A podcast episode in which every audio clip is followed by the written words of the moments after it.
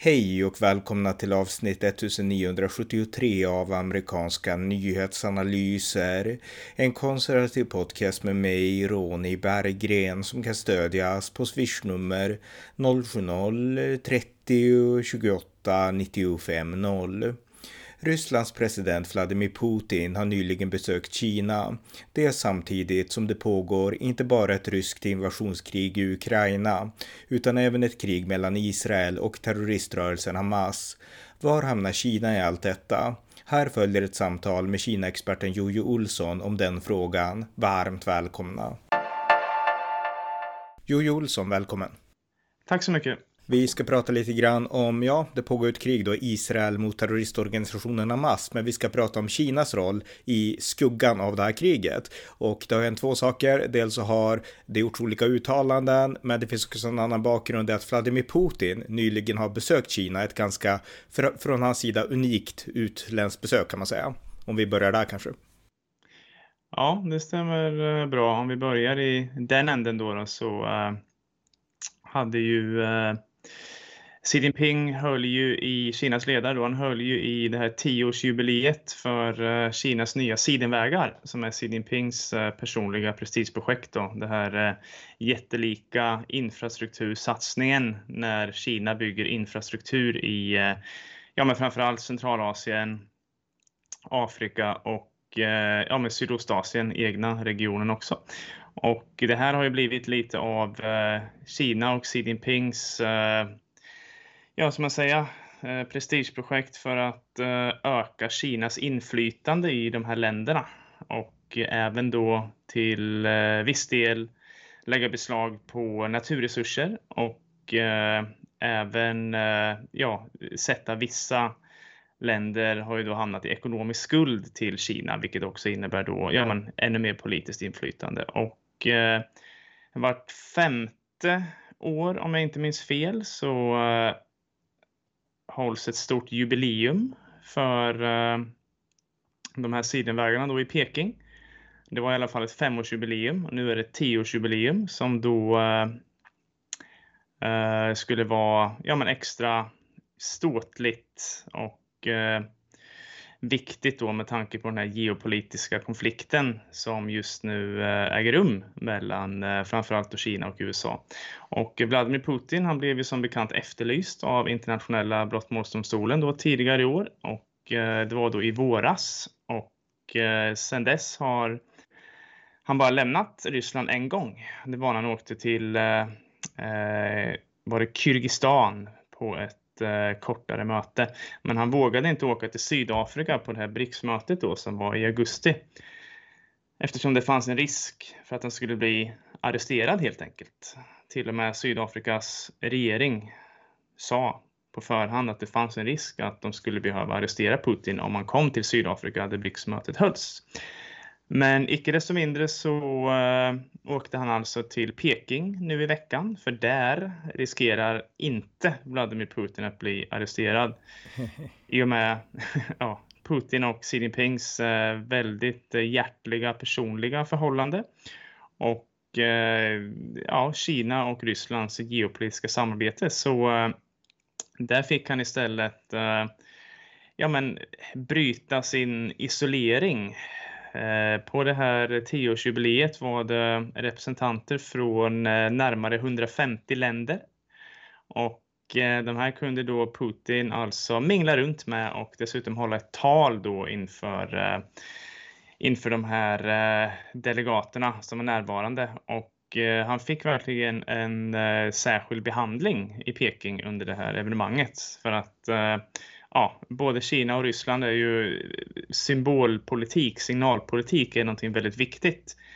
Och man kunde se på de här officiella porträtten så var det Xi Jinping och Putin som stod bredvid varandra längst fram. Man kunde se på olika videoklipp från mötet när de tog sig rum till rum. Då gick Xi Jinping och Putin längst fram och sen följde de andra ledarna som ankungar nästan mm. bakom. Mm. Och det var verkligen tydligt att uh, ja, Xi Jinping och kinesiska myndigheter såg det här som en möjlighet att hjälpa till att bryta den här isoleringen då som, som Putin har hamnat i i och med sanktionerna mot Ryssland och den här efterlysningen då i internationella brottmålsdomstolen. Ja, men det är intressant, för att jag tänkte lite på varför vill Putin åka dit och fira en kinesisk sidenväg? För jag menar, det är ju Kina som tar åt sig äran för sidenvägen, det är inte Ryssland. Det stämmer. Uh, däremot så är ju Ryssland väldigt eh, beroende av eh, handel med Kina. Eh, den här handeln har ju ökat eh, väldigt mycket sedan den ryska fullskaliga invasionen av Ukraina och den fortsätter att öka i år. Eh, den har ökat, nu minns jag inte exakt, men, men 30-35 procent har den hittills ökat i år. Och den här handeln då mellan Kina och Ryssland har man en gemensam eh, ja, målsättning på att den ska uppgå till 200 miljarder dollar Eh, i år eller, eller, nästa år. Och eh, det här innefattar ju då infrastrukturprojekt, inte minst gasledningar, den här Power of Siberia 2 då, som man pratat om. Så att för eh, Ryssland så är det ju, ja, det här är ju, vad säger man, eh, ömsesidigt eh, beroende, ömsesidig nytta helt enkelt.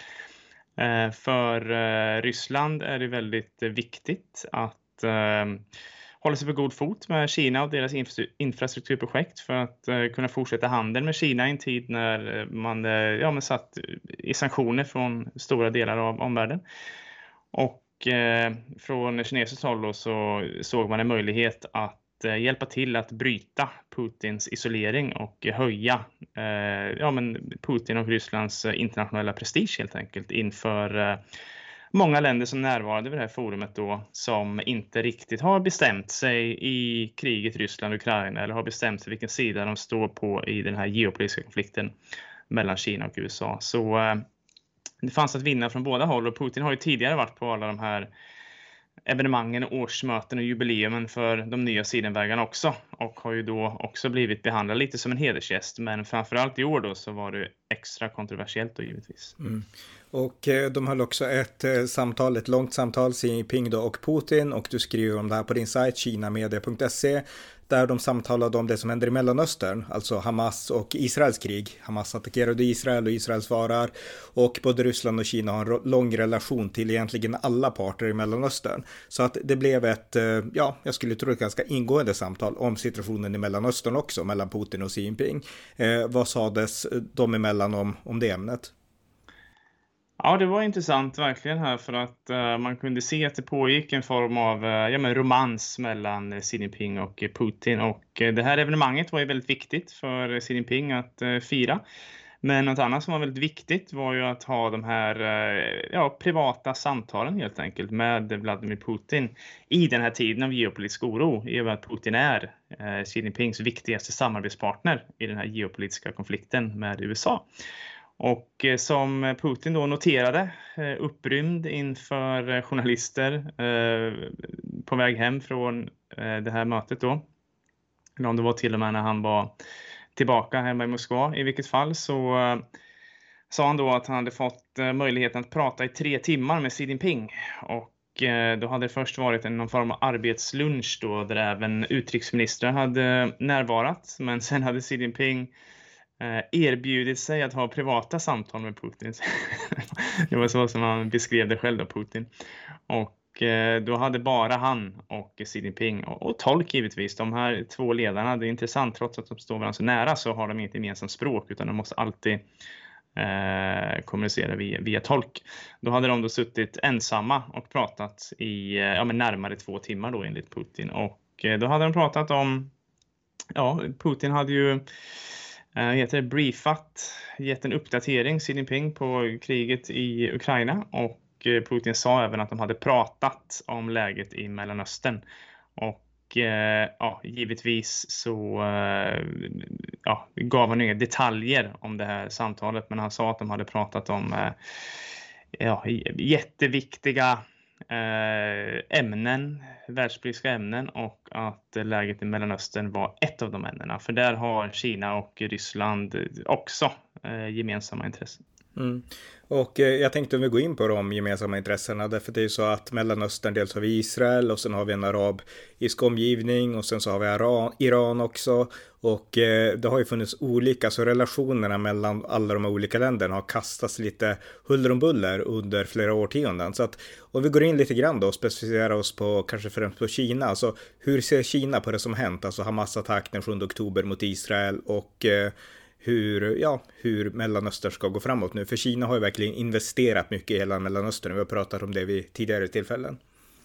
Ja, jag kan ju prata lite eh, kort om Kinas uh, intressen i Mellanöstern här så, och relation till uh, arabländerna och Israel så kan ju säkert du fylla i lite med Rysslands uh, dito eftersom det kan du nog bättre än mig. Men ja, vad gäller Kina i Mellanöstern då och och eh, Israel-Palestina-konflikten så finns det en ganska intressant historia där faktiskt. Eh, under Mao Zedongs tid vid makten på 60 och 70-talet så eh, ja, inte bara finansierade Kina PLO och andra rörelser som ville se palestinsk självständighet utan man beväpnade även de här rörelserna och tränade dem. Och det gjorde man då för att många av de här rörelserna ja, de, de eh, sade sig vara då eh, marxistiska och till och med maoistiska. Och eh, Kina under Mao Zedong eh, ville vara den ledande kommunistiska kraften för en slags världsrevolution. Och eh, det här är en målsättning som man inte längre hade när, Deng, förlåt, när Mao Zedong precis dog och Deng Xiaoping tog över makten. Utan då ville man istället vara mer pragmatisk och då börjar man närma sig även Israel och Eh, detta på grund av att ja, men Israel har helt enkelt mer teknologiskt kunnande och eh, mycket sån viktig teknik som, som Kina behövde vid eh, uppöppningen av Kinas ekonomi. Eh, ja, då var man i större behov av eh, teknologi och kunnande snarare än naturresurser. Då. Men eh, igen, eh, i takt med att Kinas ekonomi har börjat växa så har den börjat sluka mer och mer naturresurser och framförallt olja. Och eh, i och med det här så har man då igen börjat röra sig mot eh, arabstaterna istället. Och eh, någonting som jag läste efter eh, Hamas attack då var att eh, ja, Kina har ju en mycket mindre historisk politisk relation och intresse i den här regionen än vad USA har. Men däremot har man en väldigt stort ekonomiskt intresse där för att eh, ja, man importerar två tredjedelar av all sin olja från Mellanöstern och eh, man är den största oljeimportören från Saudiarabien passerat USA där. Man har inte lika stor egen produktion som USA har. Så på grund av det här då så har man ju ett, eh, ett intresse av att eh, ja, hålla sig på god fot helt enkelt med arabländerna. Och eh, någonting annat då som är väldigt viktigt i det sammanhanget är ju att ja, Kina ser ju inte det här från en ideologisk synvinkel eller någon form av, eh, vad ska man säga, politisk övertygelse utan här agerar man ju efter sina egna intressen. Man agerar ju då ja, men, eh, pragmatiskt eller rationellt och och eh, när man då vill segla upp som en slags eh, alternativ till eh, USAs eh, världsordning, då finns det ingen anledning att ta USAs allierade sida i den här konflikten. Eh, det enda amerikanska, eller den enda allierade landet till USA i regionen, alltså Israel. Utan istället då så kan man ta Palestinas sida och få 20 arabstater med sig i internationella sammanhang, i om omröstningar som rör ja, men kanske Kinas eget förtryck av muslimska minoriteter. Då kan man få arabstaterna att blunda för det om man tar deras eh, parti i eh, den här Israel-Palestina-konflikten istället och alla andra omröstningar för, för den delen. Så det här är ett eh, ja, men kalkylerat eh, realpolitiskt agerande. För att bara avsluta det här och så kan man titta på Kinas reaktion efter Hamas attack mot Israel så man har ju ännu inte nämnt Hamas vid namn överhuvudtaget från kinesiska utrikesministeriet. Och detta då även fast ja, utländska journalister vid de här pressträffarna som man håller med utrikesministeriet frågar till och med varför nämner ni inte Hamas vid namn? Eller de har frågat, är Hamas en terrororganisation? Och även då så svarar bara talespersonen med att säga att ja, men våran position är klar i den här frågan. Så man vill inte ens nämna Hamas vid namn överhuvudtaget. Och man agerar lite grann som, som man gör vid Rysslands fullskaliga invasion av Ukraina. Att man försöker framstå som att man är neutral. Mm. Man åberopar eh, eldupphör och man säger att alla sidor då ska, ska lugna ner sig. Men i den situationen då när Israel precis hade blivit attackerat så ja, från Israel och många andra synvinklar så framstod det ju som att man var allt annat än neutral om man genast då eh, uppmanade till eldupphör istället för att fördöma attacken. Men det första som Kina gjorde i första uttalandet efter Hamas attack var att man förespråkade en tvåstatslösning. Och man sa, ja, alla måste lugna ner sig. Nu ska vi ha en tvåstatslösning, den enda långsiktiga lösningen på det här problemet. Och det fick Israels ambassad i Peking att eh, tända till lite grann och bli väldigt, eh, ja men, göra ganska eh, tydliga uttalanden på att man inte alls är nöjd med hur Kina agerar. Men återigen, från ett realpolitiskt perspektiv så att kasta Israel under bussen, det är ingenting mot de eh, fördelar som man från kinesiskt håll kan få då. Dels vad gäller ja, men den här oljeimporten och även export för den delen till arabiska länder. Och eh, sen då att man kan få med sig ett 20-tal arabländer i internationella sammanhang eh, där man då ska rösta fram eh, olika beslut eller på olika vis motarbeta USAs världsordning. Mm. Men jag tycker det här är intressant därför att det du ger exempel på, alltså alla som lyssnar här vet ju att alltså ingen litar på Kina. Kina är kalla, de är kalkylerande, de gör allt utifrån sitt eget bästa. Och samtidigt så kan vi här se ett exempel på när man försöker få den här liksom, man försöker framstå balanserad, liksom tvåstatslösning, alla ska avhålla sig från våld och då låter det som att man är balanserad och att man kanske därigenom är moralisk och att man står över konflikten ungefär. Och jag tycker att det här argumentet används, alltså inte bara av Kina utan oftast av mer manipulativa aktörer här i Europa som vill liksom låta balanserade, men i praktiken är det omoraliskt. Och när Kina också gör så, då kan man genomskåda, för Kina vet vi, de är, de är bara cyniska liksom. Så att när de pratar om tvåstatslösning, då kan vi fatta att det här görs inte med moral som grund, utan med liksom egenintresse. Så att det, det här sticker hål på hela det här liksom falska balansargumentet, tycker jag. Ja, så är det. Men det är intressant också att du säger att ingen litar på Kina. Och det stämmer om vi ser från eh, amerikansk eller europeisk synvinkel. Men om vi tittar från arabvärldens synvinkel, eller för den delen majoriteten av alla utvecklingsländer som närvarade vid det här forumet i Peking för att fira de nya sidenvägarna. De litar inte heller på USA. De kanske litar mer på Kina än på USA. De kanske eh, anser att den här världsordningen som har formats under USA inte har gagnat dem. Och eh, det känner ju Kina givetvis till och det är de här stämningarna som man vill fånga upp genom att eh, ja, framställa sig, fram som, framställa sig själv som ett alternativ till den amerikanska världsordningen och i det receptet ligger ju även då att ta ställning mot eh, USAs allierade i Mellanöstern. Mm. Eh, jag tänkte också på en annan sak som jag skulle vilja, för det var intressant när du gav det här perspektivet på Kinas historiska relation till alltså regionen i Mellanöstern, att man har stött PLO till exempel, därför att PLO och de olika organisationerna under PLO-paraplyet, de var ju marxister, många av dem, och eh, Kina ville ju stödja, precis som Sovjet och i viss mån, världsmarxismen. Och eh, Kina stödde på olika sätt olika organisationer. Men häromdagen då började det prata om att Vänsterpartiet här i Sverige då, de hade gett bistånd till en marxistisk organisation i Palestina som heter DFLP. Och eh, det betyder typ, eh, ja, palestinska befrielserörelsen ungefär. Och den här eh, marxistiska organisationen, den hade historiskt ganska starkt stöd av Kina på 60-talet. Och den låg också bakom en terroristattack 1974 i Israel, eh, där jag tror att det var ett 20-tal barn som blev dödade av de här marxistiska terroristerna. Så att det är intressant att det finns liksom, ja till Sverige också, men alltså att man hade verkligen den här kopplingen, alltså att man vill stödja marxism i Palestina. Därför att idag, eh, speciellt kanske om man är i, ja, i min ålder och så, då har man inte så här många minnen av marxismen utan då är det islamism som man tänker på när det gäller den här regionen. Men förr så var det ju också marxism och det är ju rätt intressant då. Ja, eh, det finns ju ganska många eh, rörelser med marxistisk bakgrund i den här regionen som kanske framhöll att man var marxistisk eller maoistisk just för att man skulle få finansiering från Kina. Eh, om du tittar idag så finns det inte lika många marxistiska eller maoistiska rörelser i den här regionen på grund av sannolikt att Kina inte längre ger bistånd eller tränar eller beväpnar maoistiska grupper.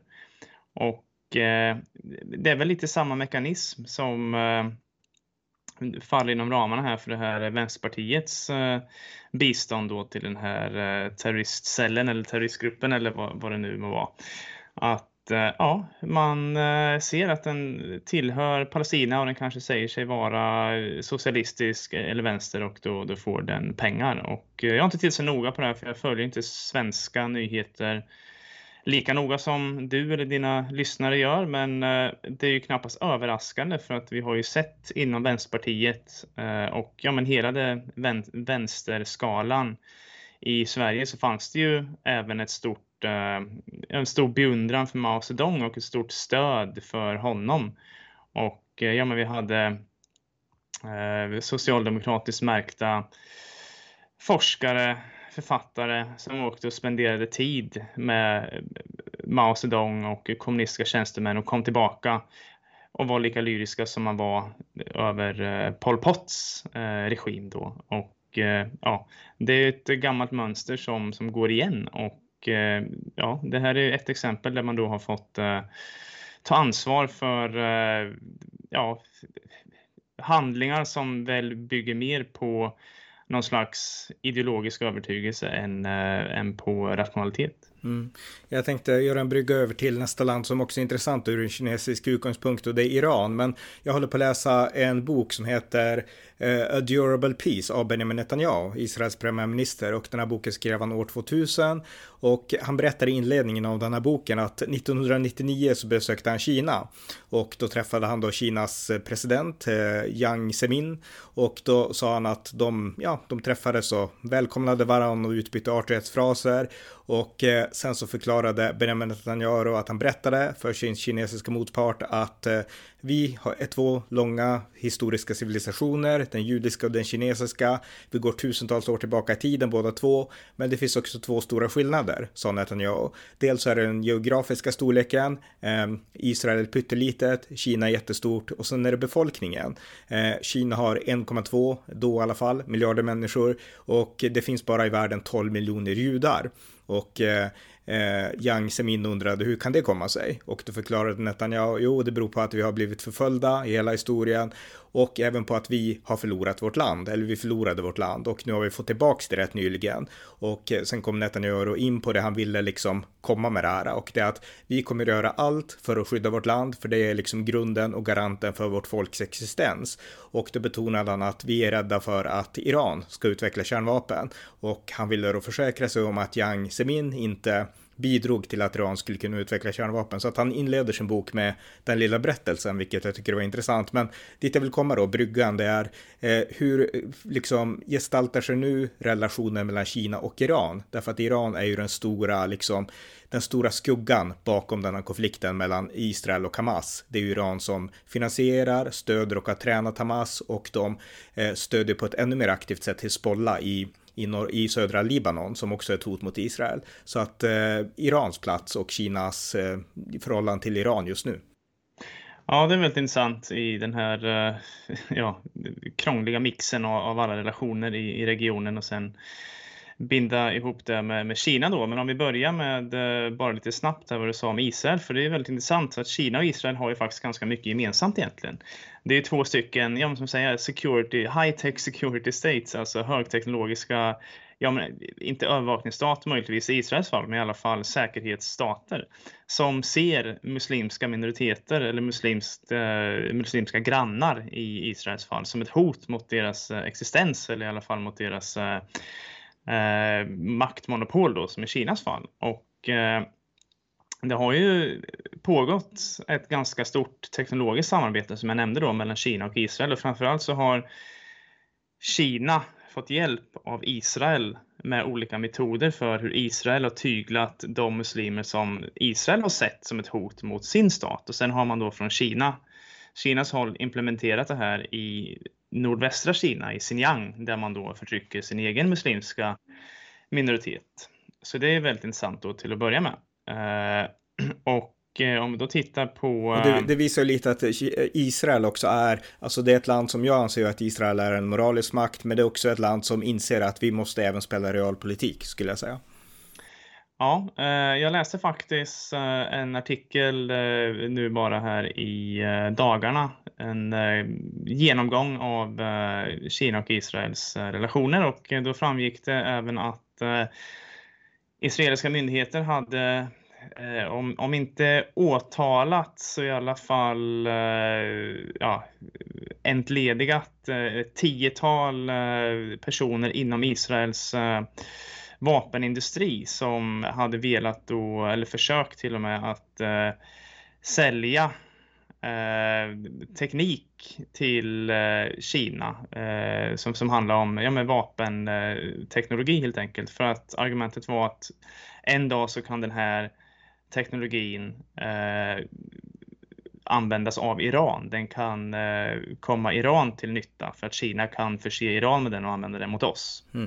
Så det var ju ett ganska bra eh, beslut måste man säga så här i efterhand för att Kina och Iran har ju verkligen närmat sig varandra de senaste åren och eh, de eh, ja, ingick ju ett jätteavtal för det måste vara två eller snart tre år sedan eh, på ett antal hundra miljarder kronor av investeringar som Kina ska göra i Iran. Och i utbyte då så får man givetvis olja från Iran. Och dessutom så har ju Kina eh, hade ju en hand med i att eh, normalisera relationerna mellan Iran och Saudiarabien. Så eh, Kina har ju inte bara ekonomiskt utan även politiskt inflytande över Iran. Och ja, bland de sanktionerna då, eller mitt bland alla sanktioner som Iran har utsatts för så är ju Kina Irans ekonomiska livlina på samma vis som man blivit Rysslands ekonomiska livlina. Mm. Och det är det här igen då med att ja, Kina har ju nästan ett eh, en bottenlös törst efter naturresurser och den här billiga oljan som man kan få från Ryssland och få från Iran. Den gör att man gärna struntar i eh, ja, att de här länderna är paria, befinner sig under sanktioner och så vidare. Och nu kan man se också här som jag hade med i mitt nyhetsbrev då förra veckan att eh, Kinas utrikesminister ringde till Irans utrikesminister och eh, sen och, samtalade då om situationen i Mellanöstern. Och efter det så rapporterade statliga kinesiska medier om att eh, ja, rakt ut så sa de då att ja, Kina stödjer eh, islamiska länder att de måste att islamiska länder måste stärka sin eh, samhörighet och eh, prata med en enad röst för att eh, motsätta sig eh, ja, tredje, tredje aktörers eh, handlingar som skadar civila. Så vad man menar då helt enkelt är att Iran ska hjälpa Palestina. Mm. Eh, diplomatiskt språk för att säga så. Och eh, dessutom av alla de analyser som jag har läst av Kinas roll i den här ehm, konflikten så är ju en eh, ganska viktig poäng är ju att om Kina inte hade gett Iran en ekonomisk livslina så hade Iran inte haft råd att finansiera Hizbollah och Hamas. Eh, så är det helt enkelt. Så att eh, även om Kina då inte, ja, även om Kina kanske inte önskade att pengarna som Iran får från Kina går till de här terroriströrelserna så eh, struntar man helt enkelt i att kontrollera det och eh, det hade varit omöjligt att finansiera de här rörelserna utan kinesiska pengar. Det är ju rätt intressant, alltså ja, länkar som kedja där, liksom reaktion på, alltså händelse leder till en annan händelse och så vidare. Eh, mycket intressant.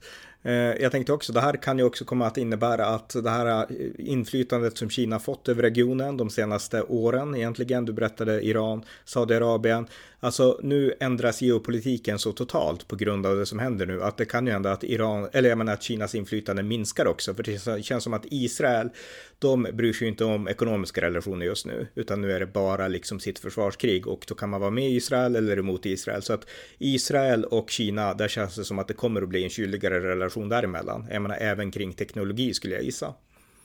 Ja, då har vi redan sett signaler från israeliskt håll att man inte alls är nöjd med hur Kina har agerat. Men det är också viktigt att påpeka att eh, ja, till skillnad mot exempelvis kanske Ryssland eller Syrien eller Iran så Kina vill inte ha konflikt i den här regionen. Man, man är inte alls intresserad av att det ska vara krig här.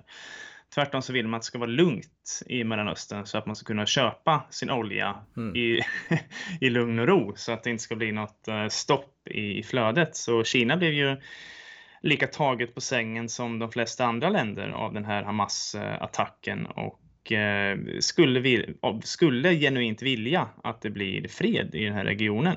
Så det är ju utgångspunkten. Men däremot så ser man ju då den här möjligheten att när regionen ändå står i brand så kan man dra geopolitisk nytta av att visa stöd för Palestina och därmed få med sig Iran och arabländerna då ännu närmare sig, sig självt. Så eh, Kina har ju aldrig haft något riktigt eh, inflytande i den här regionen och på många vis så förstår man nog inte heller mekanismerna i den här regionen då i och med att man är en så pass eh, merkantilistisk eh, stormakt att man bara är intresserad av handel. Eh, och eh, ja, det är ju väldigt avlägset att någon kinesisk trupp någonsin skulle sätta sin fot i, i regionen idag. Mm. Men, det, men det är också intressant att säga det, alltså att Kina vill egentligen ha fred av sitt eget liksom, intresse. Därför att så tänker, alltså i Mellanöstern då har vi Iran och de här länderna som tänker ideologiskt, fanatiskt. Och sen har vi USA och liksom det här liksom moraliska bandet till Israel nästan. Alltså Kina tänker på ett helt annat sätt. Och det är ju rätt, ja det är rätt intressant att man tänker så olika. Mm. Ja, jo, så är det absolut. Mm. Jag tänkte också att vi skulle avrunda med, du skrev ett mycket intressant inlägg på, på X på Twitter och det var den 19 oktober och då skrev du så här. Om det inte vore för USAs roll i världen skulle 1. Putin krossa Ukraina 2. Hamas hisbolla Iran krossa Israel 3. Kina krossa Taiwan. För Europa vare sig kan eller vill hindra ovanstående. Ändå rasar många fortfarande flexmässigt mot USAs utrikespolitik. Tänk en extra gång. Och eh, jag tyckte det här var ett suveränt inlägg såklart och jag delade det och så. Men alltså, du är ju klockren här. Jag menar, om USA inte hade funnits, jag menar, då hade det blivit precis som du beskriver. Så att jag tyckte att det var en jätteviktig poäng att lyfta fram och speciellt kanske i ett land som Sverige där så många, alltså man har liksom instinktiva nästan aversioner mot USA. Medan du som bor utomlands, du bor på Taiwan, du kan se USA på ett annat sätt. Ja, men precis. Jag, jag ser ju det här lite från ett taiwanesiskt perspektiv, precis som jag såg Rysslands invasion av Ukraina från ett taiwanesiskt perspektiv. Och eh, faktum är att Europa är oväsentligt för de här ländernas överlevnad. Eh, inte Ukraina då, eh, men när det kommer till Israel och Taiwan. Därför att Europa är ingen eh, militär stormakt. Man är en, eh, på sin höjd en ekonomisk eh, stormakt tack vare sin stora konsumentmarknad.